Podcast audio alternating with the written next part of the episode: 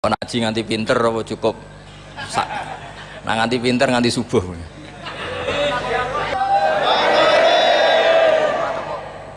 Preman. Nggih Al-Fatihah. A'udzu billahi minasyaitonir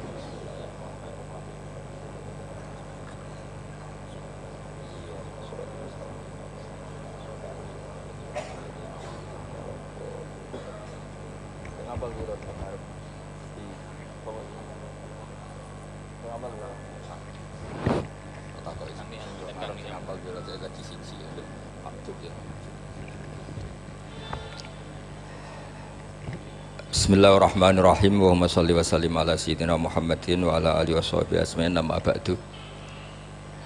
Niki ngaji nganti pinter apa cukup? Sak nah nganti pinter nganti subuh. Nggih nggih. Nak sediluk engko nara pinter pantes wong ngajine sediluk milah putih. Ngantos subuh ya tapi langsung pinter. Dados termasuk dosane jenengan sedanten. Itu senengane cerita Nabi Adam. Nabi Adam buat cerita ano dosane mulane udah kualat. Wong nyerita ano bapake kok nyerita ano apa dosane. Mulane kata kiai kualat wong bapake kok diler-ler napa? Dosane. Mulane nak cerita Nabi Adam ini kedah sempurna. Terus niki kula cicil jus tunggal. Napa? Wa allama adamal napa? Asma e, pertama kali hubungannya Nabi Adam kalian Allah Subhanahu wa taala ini hubungan mengajarkan nama sesuatu. Jadi sampean jangan pakai teori modern bahwa apa artinya sebuah nama. Nama itu penting sekali. Sekali penamaan itu salah berarti Anda menstatuskan secara nawa salah dan itu berakibat fatal. Jadi semua kesalahan manusia mulai periode syirik mensekutukan Allah itu karena kesalahan menyebut apa? Nama. Ini penting kalau jadi misalnya orang Arab itu ada batu tertentu yang dipahat disebut manat. Manat itu dari kosakata manan pemberi. Yang satu disebut uzza sesuatu yang aziz yang agung. Sehingga akhirnya diperagungkan. Coba kalau misalnya manat dan lata itu ketemu orang lasem terus ditanyakan ini batu apa ini dari Purwodadi apa dari Mojokerto? Yang mahat siapa? Ini irungnya ndak pas. Ini matanya kok agak picek. Andekan distatuskan seperti itu kira-kira disembah apa enggak? Enggak. Iki pas pembuatan ini pati protol terus digenti gitu. sehingga setiap kemusyrikan itu semua para nabi ngendikan inhiya illa asmaun sammaitumuha antum wa abaukum ma anzalallahu biha min sultan. Sebagian ayat ma anzalallahu biha min sultan. Bahwa kesalahan-kesalahan yang kamu timbulkan itu karena kamu kesalahan bikin nama. Makanya status itu penting. Nanti sampean tahu pentingnya yang saya katakan ini. Nanti setelah sampean mati nanti mesti nyari saya karena kenangan ngaji ini ini Mas Atabik itu mas saya. Beliau seorang dokter tapi saya tidak akan bilang dia dokter atau dosen. Karena nanti anak cucunya inginnya jadi dosen. Tapi kalau saya menstatuskan dia turunan Mbah Sambu Babe Wong Alim.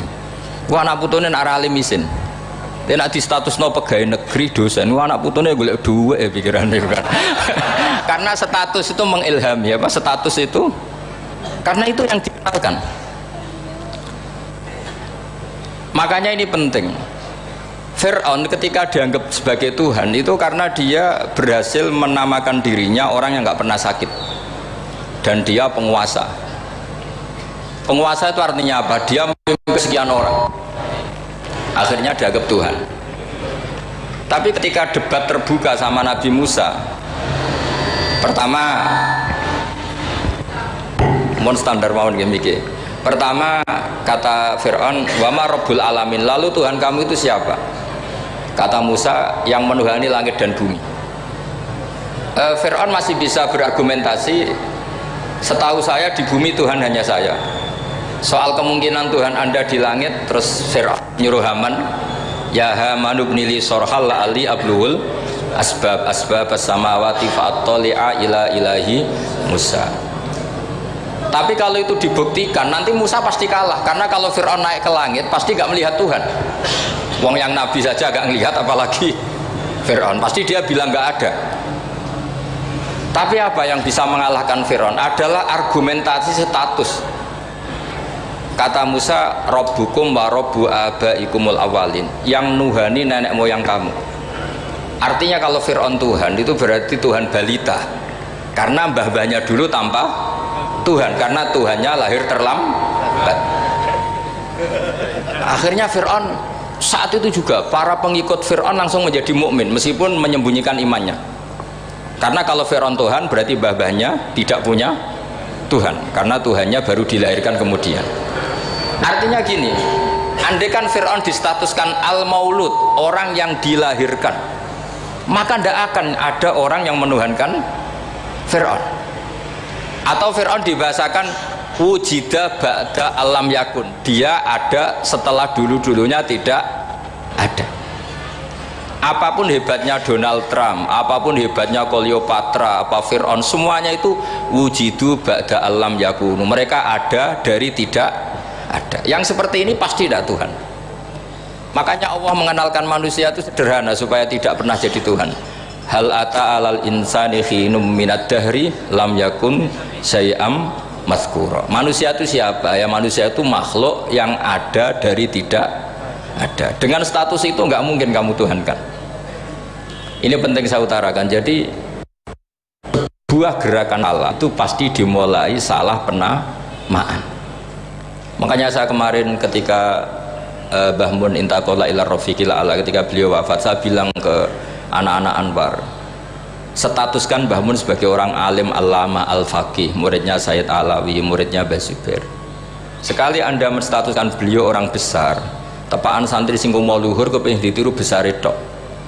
Nah niru besar itu terus ono santri mau ita itu tok ngerasa gede repot. Sama makanya saya nggak pernah. Sebenarnya saya tahu Mas Atabik ini mas saya itu dosen saya tahu tapi saya tidak pernah ngomong dosen ngono anak-anak era menjadi wong alim menjadi dosen malah langsung berarti wong alim malah celoko jadi karena salah status itu nanti panjang akibatnya itu panjang.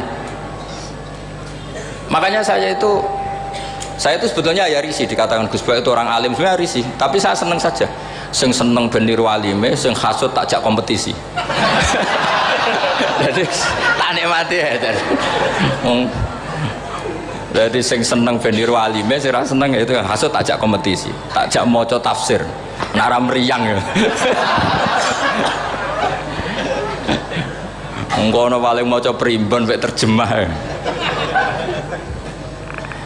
ini penting jadi itu yang disebut wa'allama adamal asma. Makanya Allah itu mengkritik semua kesalahan manusia dimulai dari salah penamaan. Makanya saya kemarin Pak Pilpres sering bilang kalau presidennya ini maslahat kalau nggak ini nggak maslahat. Mana ada kemaslahatan ditentukan hanya oleh seorang presiden? Itu tauhid kita di mana? Memang kita secara syariat harus milih sesuai istiadat kita tapi tapi tidak usah dong menggantungkan kesejahteraan sama seorang makhluk. Itu tidak boleh. Secara tauhid nggak boleh makanya ini penting sekali. Jadi nggak boleh orang salah nama. Kita tetap memilih presiden milih kiai milih siapa saja. Tapi tidak boleh menstatuskan manusia sama dengan status tuh Tuhan. Itu bahaya sekali dalam ilmu tauhid. Terus yang ketiga kenapa nama itu penting? Begini. Alam yang dipakai Quran alam itu nama ya alam mangkul. Semua alam. Karena nanti subuh tak jamin pinter nih tapi saya tetap mau setengah jam. Karena saya tahu sampai subuh pun kira-kira ya tidak pinter jadi ya setengah jam. Jadi nanti kalau kamu ditanya kenapa tidak pinter? Mari Gus Bak mulangi mau setengah jam. Punya alasan. Kalau sampai subuh kok gak pinter kan? Goblok banget nanti subuh orang pinter. Ya nah orang-orang bilang gitu lah anak sing ngomongin, oh mesti salah metode, gurune sing salah. Diulang orang pinter-pinter mesti salah sing mulang gitu. Malah repot lagi nanti. Saya beri satu teori bahwa nama itu penting. Rasulullah itu pernah guyon gini, ini guyon betul ada di hadis Sahih, ada di juz 3 di kitab Bukhari. Allah itu kalau ingin bully, Allah itu suka bully, suka goda orang. kalau ingin bully orang kafir itu menamakan kekasihnya namanya Muhammad makanya Nabi pernah gujon ala ta'jabuna kaifa yasrifu wa anni syatma quraisin wa la'nahu Eh, kenapa anda pernah nggak pernah berpikir bahwa Allah begitu mencintai saya? Sampai bikin nama untuk saya itu nama yang membingungkan semua orang kafir. Karena kalau Abu Jahal nyari Muhammad mana? Itu kalau kamu tahu bahasa Arab berarti artinya kan orang terpuji mana? Padahal Abu Abu Jahal itu menghindari kata orang terpuji jadi bingung dia. Muhammad kamu jancok coba kamu terjemah. Wahai orang terpuji kamu. Itu kan kacau semua. Makanya Allah itu suka bully. Jadi kata Nabi Muhammad kamu tahu betapa Allah itu mencintai saya dan bikin bingung orang-orang yang menghujat saya. Karena mereka kalau menghujat saya tetap menamai Muhammad. Itu coba kalau kamu tahu bahasa Arab mana Muhammad orang yang ter berarti kira-kira kalau Abu Jahal Misa itu jancok kamu Muhammad. Berarti artinya apa? Wahai orang terpuji kamu jancok ini kalimat yang kacau kan? Akhirnya Abu Jahal pinter. Kalau nyari Muhammad bilang gini ya mudammam enal mudammam makanya kata Nabi yastamu na mudammaman wa yal'aunu na mudammaman wa ana Muhammad. Akhirnya Abu Jahal kalau nyari Muhammad enal mudammam mana orang yang tercela akhirnya orang-orang tanya mudammam itu siapa? Muhammad itu loh. Akhirnya dia keliru lagi. Ya Muhammad itu loh. Akhirnya ya bilang Muhammad lagi. Jadi kayak apa? Makanya itu saya mangkal kalau sama orang dan anaknya kiai jenenge Agus. Karena ya tetap diceluk Gus. Karena ya saya itu punya teman itu gak Gus. Mangkalnya bukan main sama anaknya kiai dia punya cita-cita anaknya nanti dinamai hanya Agus saja. Supaya semuanya manggil terus nanti yang kasut ya bilang dus kayak kemarin pas pilpres itu macam-macam. Tapi ini penting saya utarakan jadi nama itu nggak boleh salah. Status juga nggak boleh salah. Makanya saya ingin misalnya anaknya kiai kok jadi pejabat. Ya sudahlah jabat itu. Saya betul saya sampai sekarang dengan Gus Yasin itu ya tetap nyucup saya bilang ini putra guru saya ini Gus saya. Saya tidak pernah membahasakan beliau wakil gubernur. Bahayanya nanti nanti suatu saat oh ini mantan kan repot. Jadi ini penting status itu penting.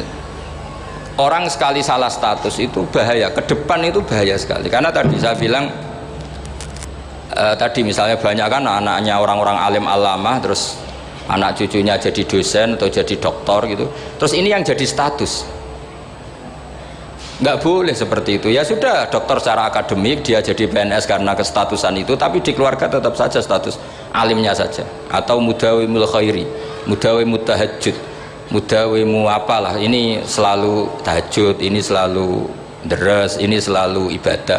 Sehingga anak cucu kita ya kenangannya itu.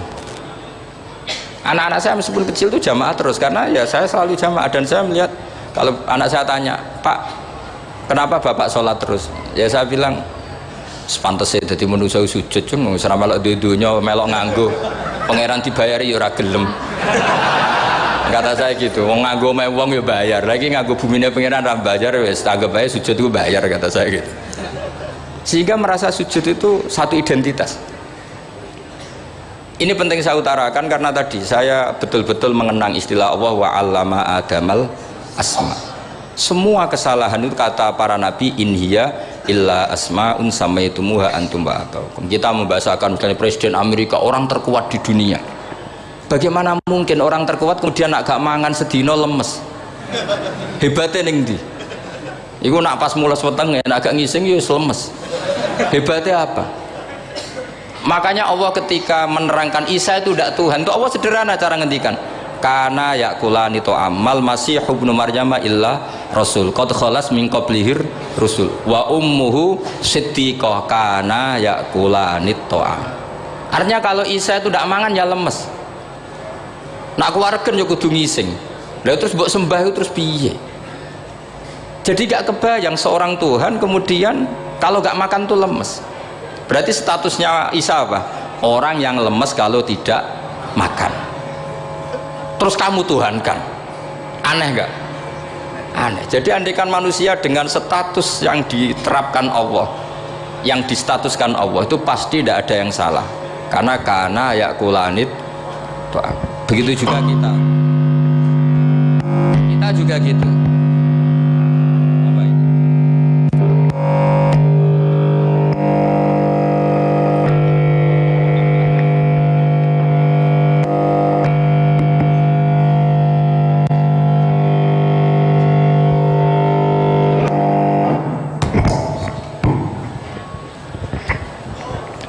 Saya teruskan ya. Nah ini sekaligus latihan tauhid sama latihan tafsir ya.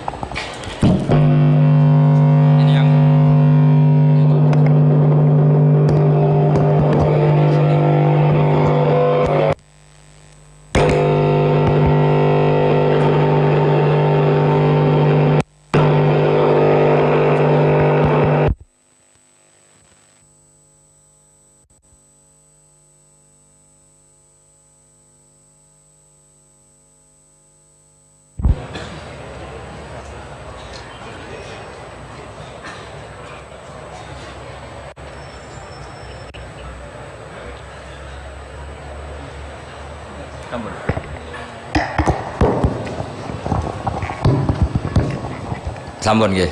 Kula terusno malih. Pun santai mawon. Kula ki ikhlas ora ngarah gelo santai mawon. Wong umpama ora sida ngaji ora gelo apa meneh trimo mik rusak. Nah karena saya tadi, saya itu insya Allah tidak akan pernah salah nama. Saya punya cerita ya tentang tentang nama itu. Ketika seseorang baik sama tetangga, itu kalau sampean seorang mukmin yang mukhlis, mukmin yang ikhlas, pasti ya karena diperintah Allah. Saya ngajar seperti ini karena diperintah Allah. Baik sama pernah sepo karena saya turunan Basambu ya karena menghormati Basambu. Itu bagus. Sehingga dulu itu ada ulama, saya berkali-kali cerita, ada ulama punya tetangga itu berdua anak muda. Ya Ahmad, silahkan ke rumah saya. Datang, setelah datang ke rumah pemuda tadi, kata pemuda tadi, ya Ahmad silahkan kembali, saya ada butuh kamu. Kembali Imam Ahmad, dan santai saja. Setelah kembali sekian menit dipanggil lagi, ya Ahmad saya jadi butuh kamu, datang ke rumah saya, datang lagi. Setelah datang, saya ada butuh kamu, silahkan pulang. Pulang sampai tiga kali. Itu Imam Ahmad senangnya bukan main, kelihatan ceria senang. Lama-lama muda ini tanya, ya Ahmad kenapa anda tidak tersinggung? Bukankah itu menyakitkan? Enggak kata saya. Tapi saya akan menyebalkan. Enggak kata saya kata Imam Ahmad kenapa aja saya ini diperintah sama Allah kan apa bek tonggo. Jadi nak udang ya teko. Bukan mulai ya mulai Alhamdulillah so ngelakoni perintahnya Allah. Jadi aku rana hubungannya bek kue sehingga orang itu gak bisa didikte oleh di sekelilingnya karena ya hubungannya langsung sama Allah Subhanahu wa jadi dulu tuh orang jadi wali itu segampang itu kalau kamu kan enggak, hukum tentang tetangga itu kamu kayak orang kapitalis, kayak orang komunis, pakai teori sosial. Nah, diapi yo apik, dielek yo elek. Itu kan pikiran PKI itu. Artinya satu perilaku sosial didikte oleh makhluk itu perilaku orang mukmin atau orang ke PKI. Itu orang PKI. Kalau orang mukmin ya mangka ana yu'minu billahi wal yaumil akhir fal yukrim jarahu kita baik sama tetangga karena diperintah Allah sehingga kecewa ada kecewa ya santai saja. Imam Ahmad katanya, "Kenapa engkau tetap ceria?" Aku ora urusan mbek kowe urusanku mbek pangeran. Pangeran ngutus sampai mbek tonggo ya sudah seperti itu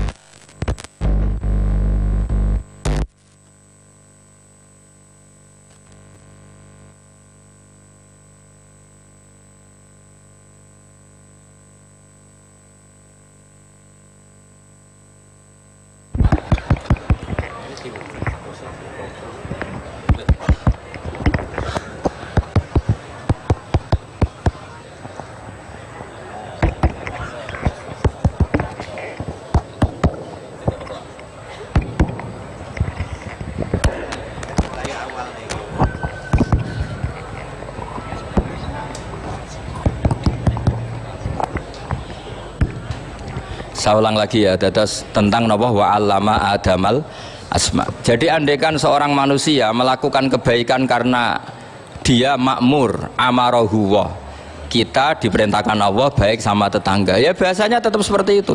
Kita diperintahkan Allah baik sama. Sehingga ketika mengalami kayak yang dialami Muhammad kita santai saja. Ketika kita datang bi amrillah ketika kembali ya bi amrillah. Sehingga ya sudah kita dapat pahala. Tapi kalau kamu kedikte secara sosial maka kamu akan menjadi orang murahan yaitu seorang ulama didikte oleh anak muda yang kampungan. Justru kita kalah kan kita kampungan sekali karena kita ulama senengnya kalau disenengkan orang mangkelnya kalau dimangkelkan orang. Artinya apa? Kamu didikte makhluk. Itu kerennya di mana coba? Kerennya di mana? Nggak ada sama sekali. Apalagi yang dikte terima canom sing goblok sing deso kamu seorang ulama bes besar tapi kalau kamu hubungannya dengan Allah dia muji kamu alhamdulillah dipuji. Dia memaki kamu alhamdulillah dapat pahala lewat jalur sabar. Kan santai saja. Sehingga saya berkali-kali bilang setan itu untungnya tidak pernah ngaji saya. Kalau ngaji dia pasti ngerusak metode merubah metode. Tapi saya tadi berdoa supaya ngaji ini gak didengar setan. Setan itu ya goblok betul setan itu kan suka ya kalau anaknya kiai cucu kiai dibikin konflik dia ngiranya dengan konflik pondok itu tidak solid. Ternyata enggak. Misalnya masa tabik konflik sama keluarga Bani Lasem terus ada yang minggat ke Papua ke mana-mana. Namanya turunan kiai di mana-mana bikin pondok bikin masjid. Yang dulu masjid hanya ada di Lasem barokahnya tukaran ada di mana-mana. Lah itu namanya setan itu salah perhitungan apa? Makanya gobloknya dia itu udah ngaji saya. Kalau ngaji tak kasih tahu itu bahaya itu. Bikin kiai konflik itu bahaya. Iya betul Islam ada di Indonesia itu ya barokahnya konfliknya sahabat. Sayyidina Ali dan Sayyidina Muawiyah itu konflik. Banyak sahabat netral yang ingin menghindari itu mau ke Cina. Di Selat Malaka sebagian terdampar terus ada yang ke Aceh ada yang ke Sumatera. Namanya Syekh Baros itu muridnya Sayyidina Ali. Makanya awal Islam di Indonesia dimulai saya Yusuf Baros itu.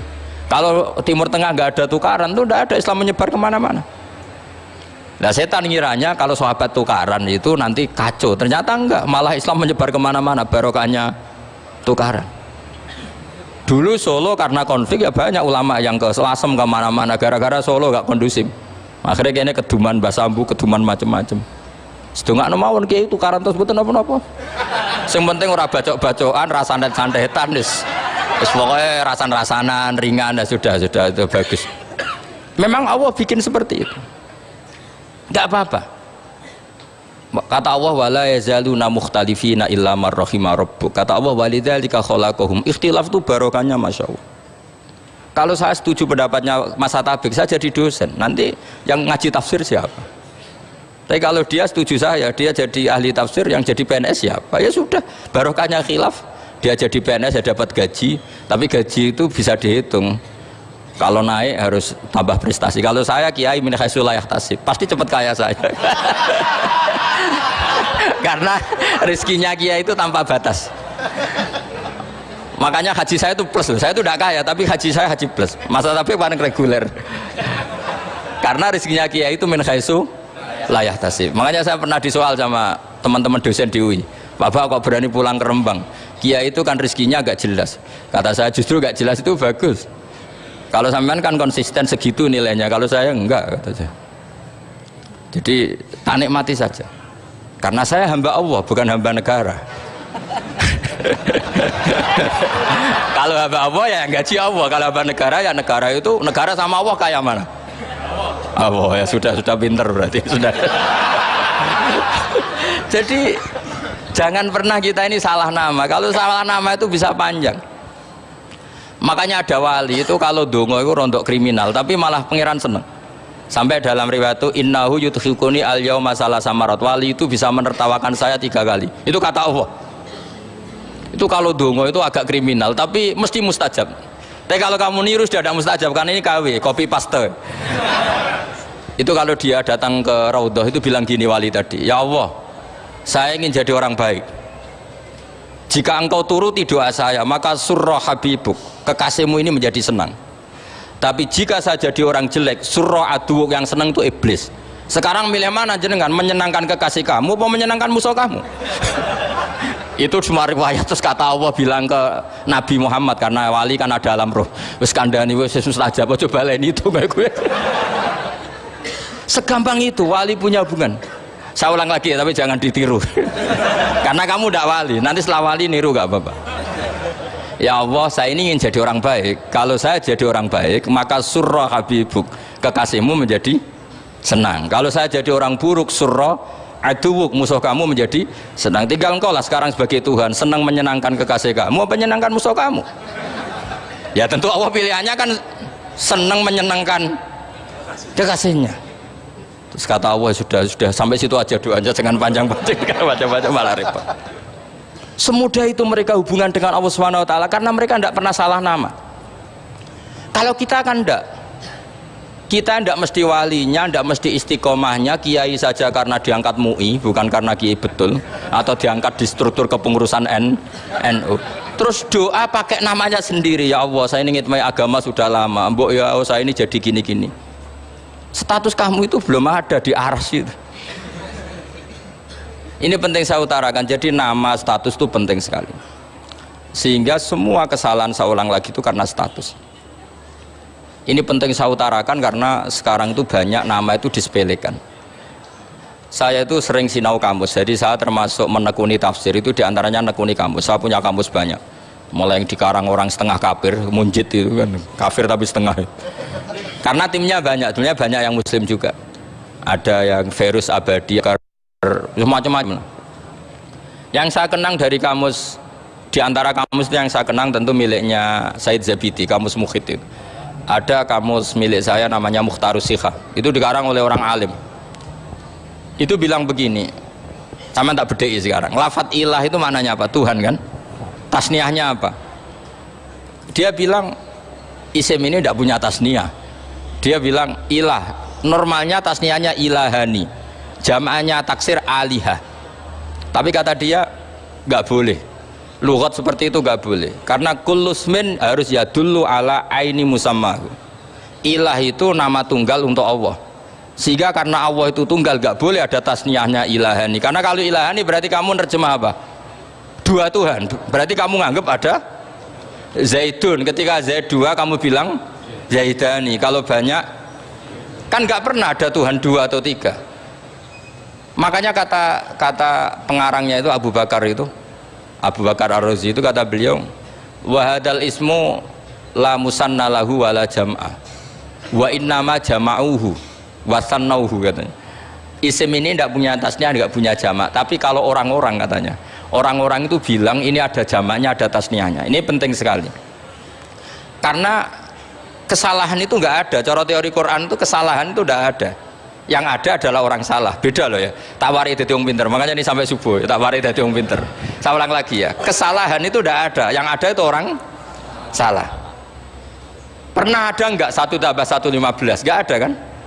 Tapi kalau orang salah bilang lima belas ada. Pernah nggak putih ini hakikatnya hitam? Nggak pernah kan? Tapi kalau orang salah misalnya rabun bilang ini hitam ada sehingga ini penting ini dalam teori ilmu mantek. Setiap Allah menyalahkan mereka itu kata Allah yakulu nabi afwahihim. Mereka itu melafatkan dengan mulut mereka. Bahwa Tuhan itu tiga misalnya. Bahwa lata hubal itu Tuhan. Itu kalimat yang keluar dari mulut mereka tapi tidak menunjuk hakikat. Makanya kata Allah kaburos kalimatan takhruju min afwahihim. Sungguh kalimat itu kalimat kriminal betul yang keluar dari lesan mereka karena apa? Normalnya kalimat itu tadullu ala musammahu atau musammaha. Yang namanya kalimat misalnya putih yang menunjuk putih, hitam menunjuk hitam. Nah kalau Tuhan yang menunjuk Allah, Tuhan kok ditunjukkan ke batu? Itu kan kacau. Tuhan kamu siapa? Hubal. Itu batu apa Tuhan? Batu.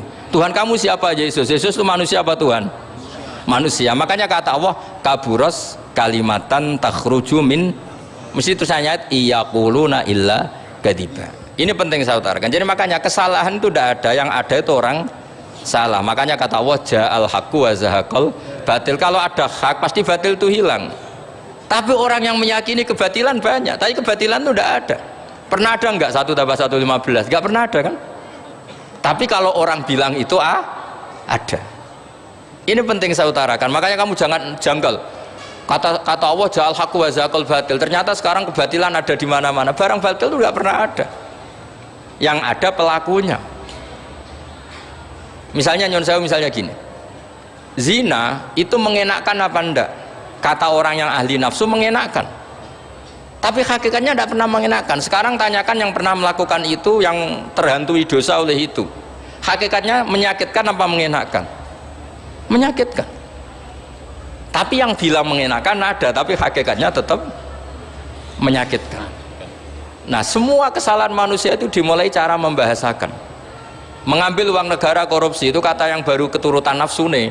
Enak punya uang banyak mengenakkan. Tapi kata yang sudah ketangkep menyakitkan.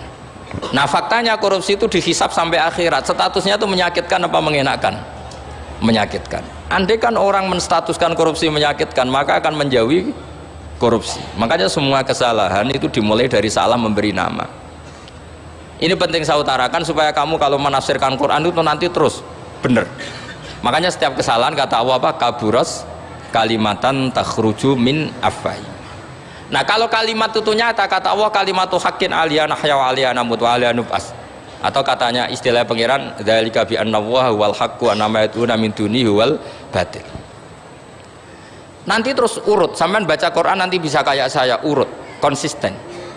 Yaitu tadi misalnya Fir'aun itu orang pakai status yang diajarkan Allah ke kita Fir'aun adalah wujida ba'da alam yakun Fir'aun adalah makhluk yang sekarang ada tapi dulu-dulunya tidak ada padahal sebelum ada Fir'aun sudah ada bumi, ada langit, ada matahari sebelum ada Yesus, ada Isa sudah ada bumi, ada matahari Artinya apa? Zaman langit bumi ada, penyebabnya Isa apa enggak? Enggak kan? Karena dia ada setelah adanya langit dan bumi. Fir'aun juga gitu. Yesus juga gitu, semuanya begitu. Makanya Allah mengajari kita apa? Hal ata alal insani hinum minad dahri lam yakun syai'am madhkura. Katakan manusia itu siapa? Manusia adalah makhluk wujud yang dulu tidak sekarang banyak enggak orang yang sudah kaya sebelum Pak Jokowi jadi presiden, sebelum Pak SBY jadi presiden, sebelum Pak Karno jadi presiden. Banyak enggak yang sudah kaya sebelum banyak kan? Artinya yang mengkayakan itu presiden Pak Allah. Allah.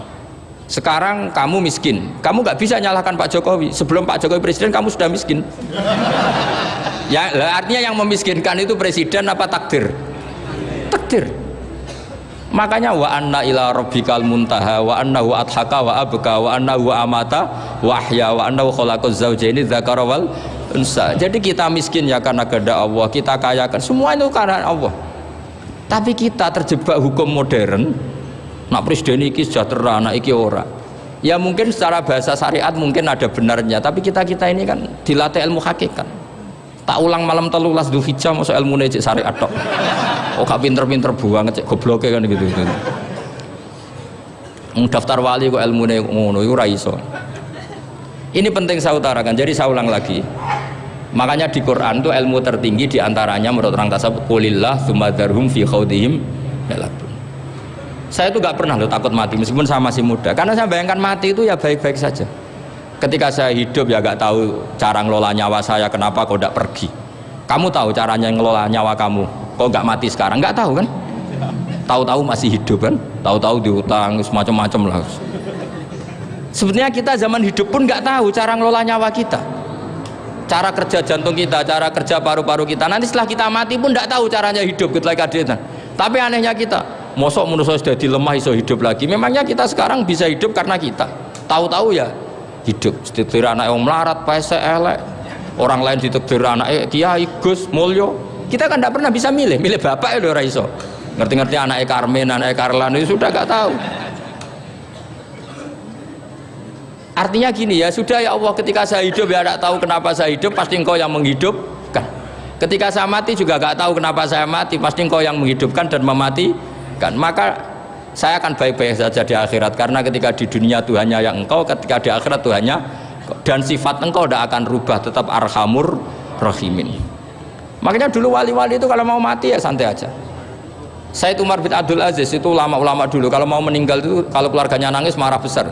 Memangnya mau ke mana kamu nangisin saya? Lah kamu kan mau mati. Memangnya mau ke mana kalau mati? Ya kembali ke Allah. Ya susahnya apa? Di dunia ya milik Allah, di akhirat milik Allah. Inna sholati wa nusuki wa mahyaya wa mamati lillahi rabbil. Yang aneh sampai harus melarat orang wani mati. Wah, aneh tenan. ya karena sampean tahu mungkin di akhirat lebih miskin lagi kan kan. Itu repot nah terus.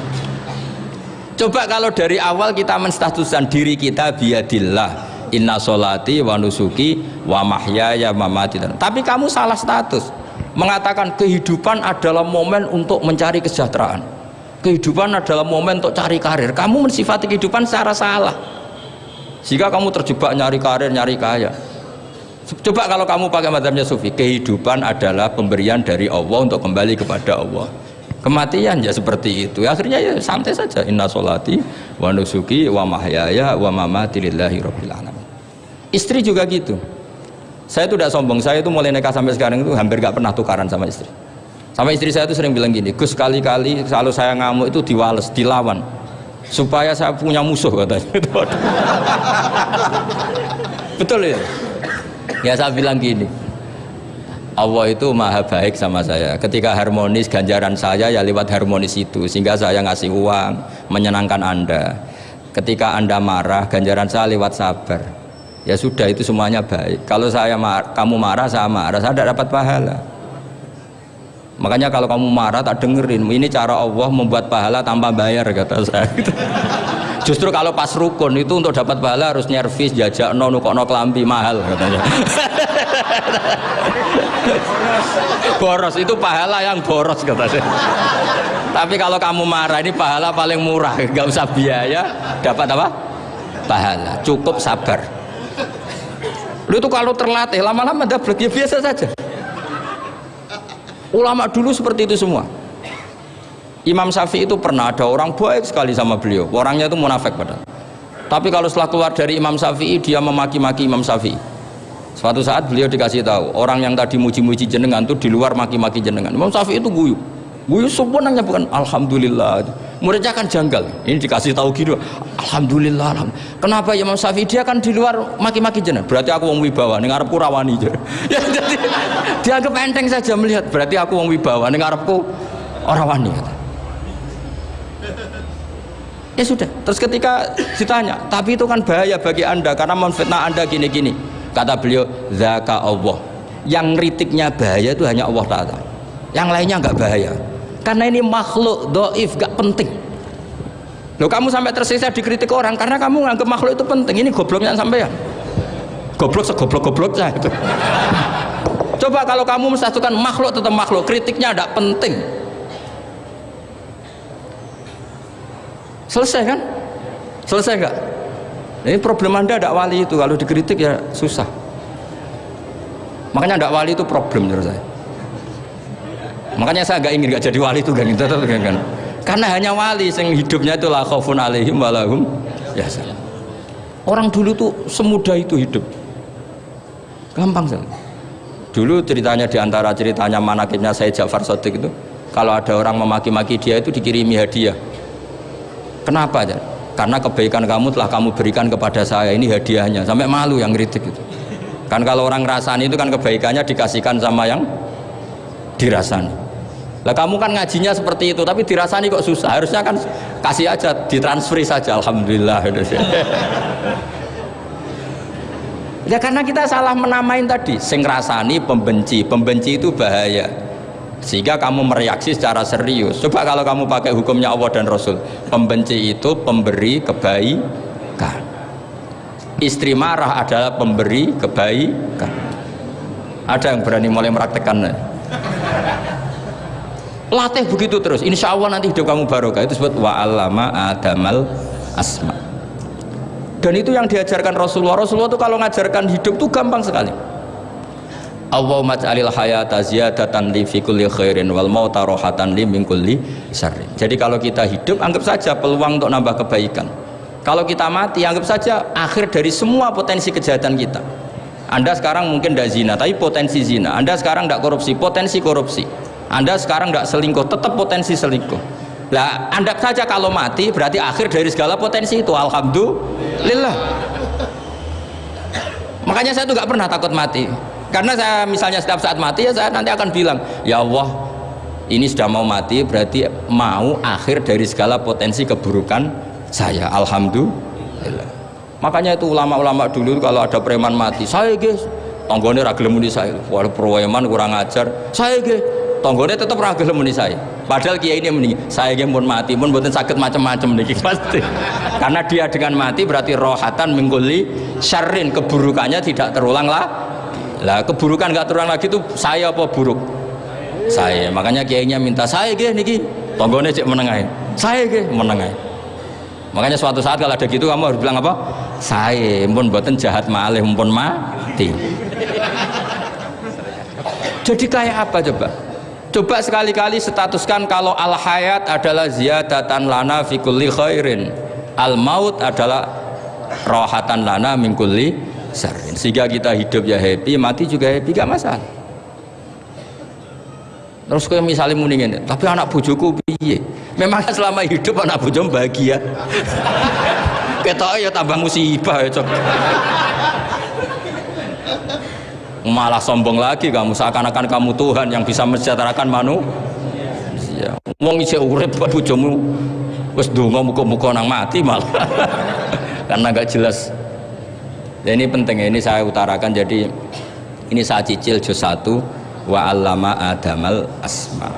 Makanya kata Rasulullah ala tak jabuna kaifa yusrifu wa anisat ma quraisin wa ini penting nama itu penting karena sekali nama ini salah coba misalnya orang sepakat darani Fir'aun itu wujida ba'da alam yakun. Fir'aun itu ada yang dulu-dulunya. Tidak ada. Hal ata alal insani hinum minad dahri lam yakun sayyam mazkur coba kalau kamu melihat sekarang kamu hidup. Hidup itu apa? Untuk sujud. Sujud itu murah gampang. Untuk mengenal Allah Allah itu gampang kita kenal. Karena Allah itu adharu minat zohir adharu zohir itu Allah. Zat yang begitu jelas lah mati itu mau apa? Ya menuju Allah. Hidup menyaksikan Allah mati menyaksikan Allah itu nyaman. Yang menjadi tidak nyaman karena kamu salah bikin status. Hidup untuk menggapai cita-cita untuk sukses. Tetap komunis yo meningon lonte yo meningon copet yo meningon rumah samu sing bahagia aku kiai tok rumah samu sing duwe akeh kiai tok coba copet kamu tanya kenapa kamu nyopet? Ingin punya uang? Banyak terus kiai tak kok sering dakwah kena opo eh repot tuh nak jawab ngono maksudnya tapi nak jawab dakwah nyebarno Islam aku ora dibayar apa-apa. Waras berarti napa? Ini penting saya utarakan makanya saya itu mau ya mau ngajar itu di antara itu. Al ismu ya dulu ala musamma. Maka itu hebatnya Quran. Quran itu ketika menjamakkan kata ilah itu diulang. Kullau kana ma'ahu alihatun kama yaqulun kata Allah karena lafat ilah itu nggak boleh dijamakkan. Itu jamak kriminal ya. Lo kok tidak kriminal gimana coba? Kalau zaitun itu satu boleh nggak kamu mengatakan ja'a zaitani? Nggak boleh kan? Kalau zaitun satu boleh nggak kamu mengatakan ja'a zaituna? Nggak boleh kan? Sama ilah itu satu apa dua? Satu. Boleh nggak kamu katakan ilahani dua Tuhan? Nggak boleh. Makanya Allah kalau mengatakan alihah itu kullau kana ma'ahu alihah andekan lau itu andekan itu aja masih ditututi kama yakulun sebagaimana mereka katakan. Karena lafat ilah itu tidak pernah punya jama alihah makanya Allah mengatakan kullau kana ma'ahu alihah masih ditambahi kama yakulun tapi itu kata mereka kira-kira gitu. Maka kenangan saya sama Batu Rehan saya ini masih pernah cucu sama Batu Rehan karena saya eh, bah saya kandung namanya Fatimah. Itu abahnya itu orang sini Fakhriyas itu. Ibunya itu orang kudus makanya saya ini ya turunan kudus turunan nasem itu kalau batu rehan kalau hari kematian Yesus itu kan ditulis hari wafatnya Yesus. Batu rehan kan tentu meyakini Yesus itu Isa. Isa itu tidak mati tapi diang. Makanya di kalender kudus sampai lihat itu kan matinya si Isa kan ada dalam kurung si Isa. Jadi yang mati itu si Isa. Karena kalau yang mati Isa kan menyalahi Quran wa ma qataluhu wa ma sholabuhu walakin subyalah maka ditulis kematian si Isa.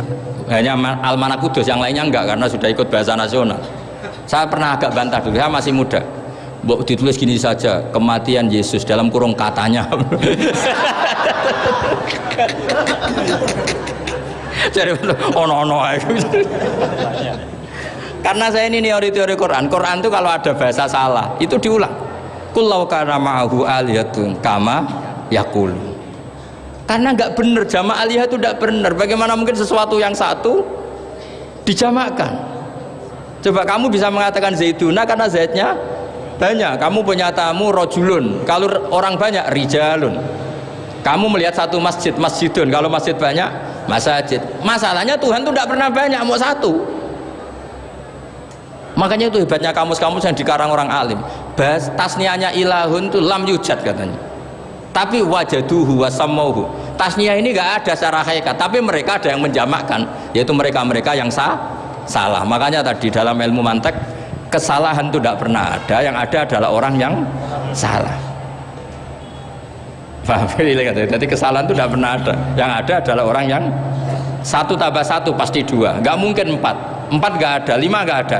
Tapi orang jawab salah bah banyak. Nah, itu namanya ilmu ya makanya yang namanya ismu itu mesti ya dulu ala musamma. Andai kan orang mengatakan Lata Uza ini batu yang dipahat oleh si A. Dulu pesennya di Muntilan batunya dari Mojokerto. Dulu pas bikin tangannya protol terus di semen di lakban bisa nggak jadi Tuhan kalau dengan status seperti itu? Firaun misalnya dulu nggak ada lahir ngompolan tahu retoreten ciliknya malah tahu tipes. Terus tua-tua jadi pangeran aneh nggak sih jadi jadi semua. Makanya setiap kemusyrikan itu kata Allah inhiya illa asmaun samaitumuha antum wa abaukum ma anzalallahu biha min sultan. Pun yang ngoten mawon assalamualaikum warahmatullahi wabarakatuh.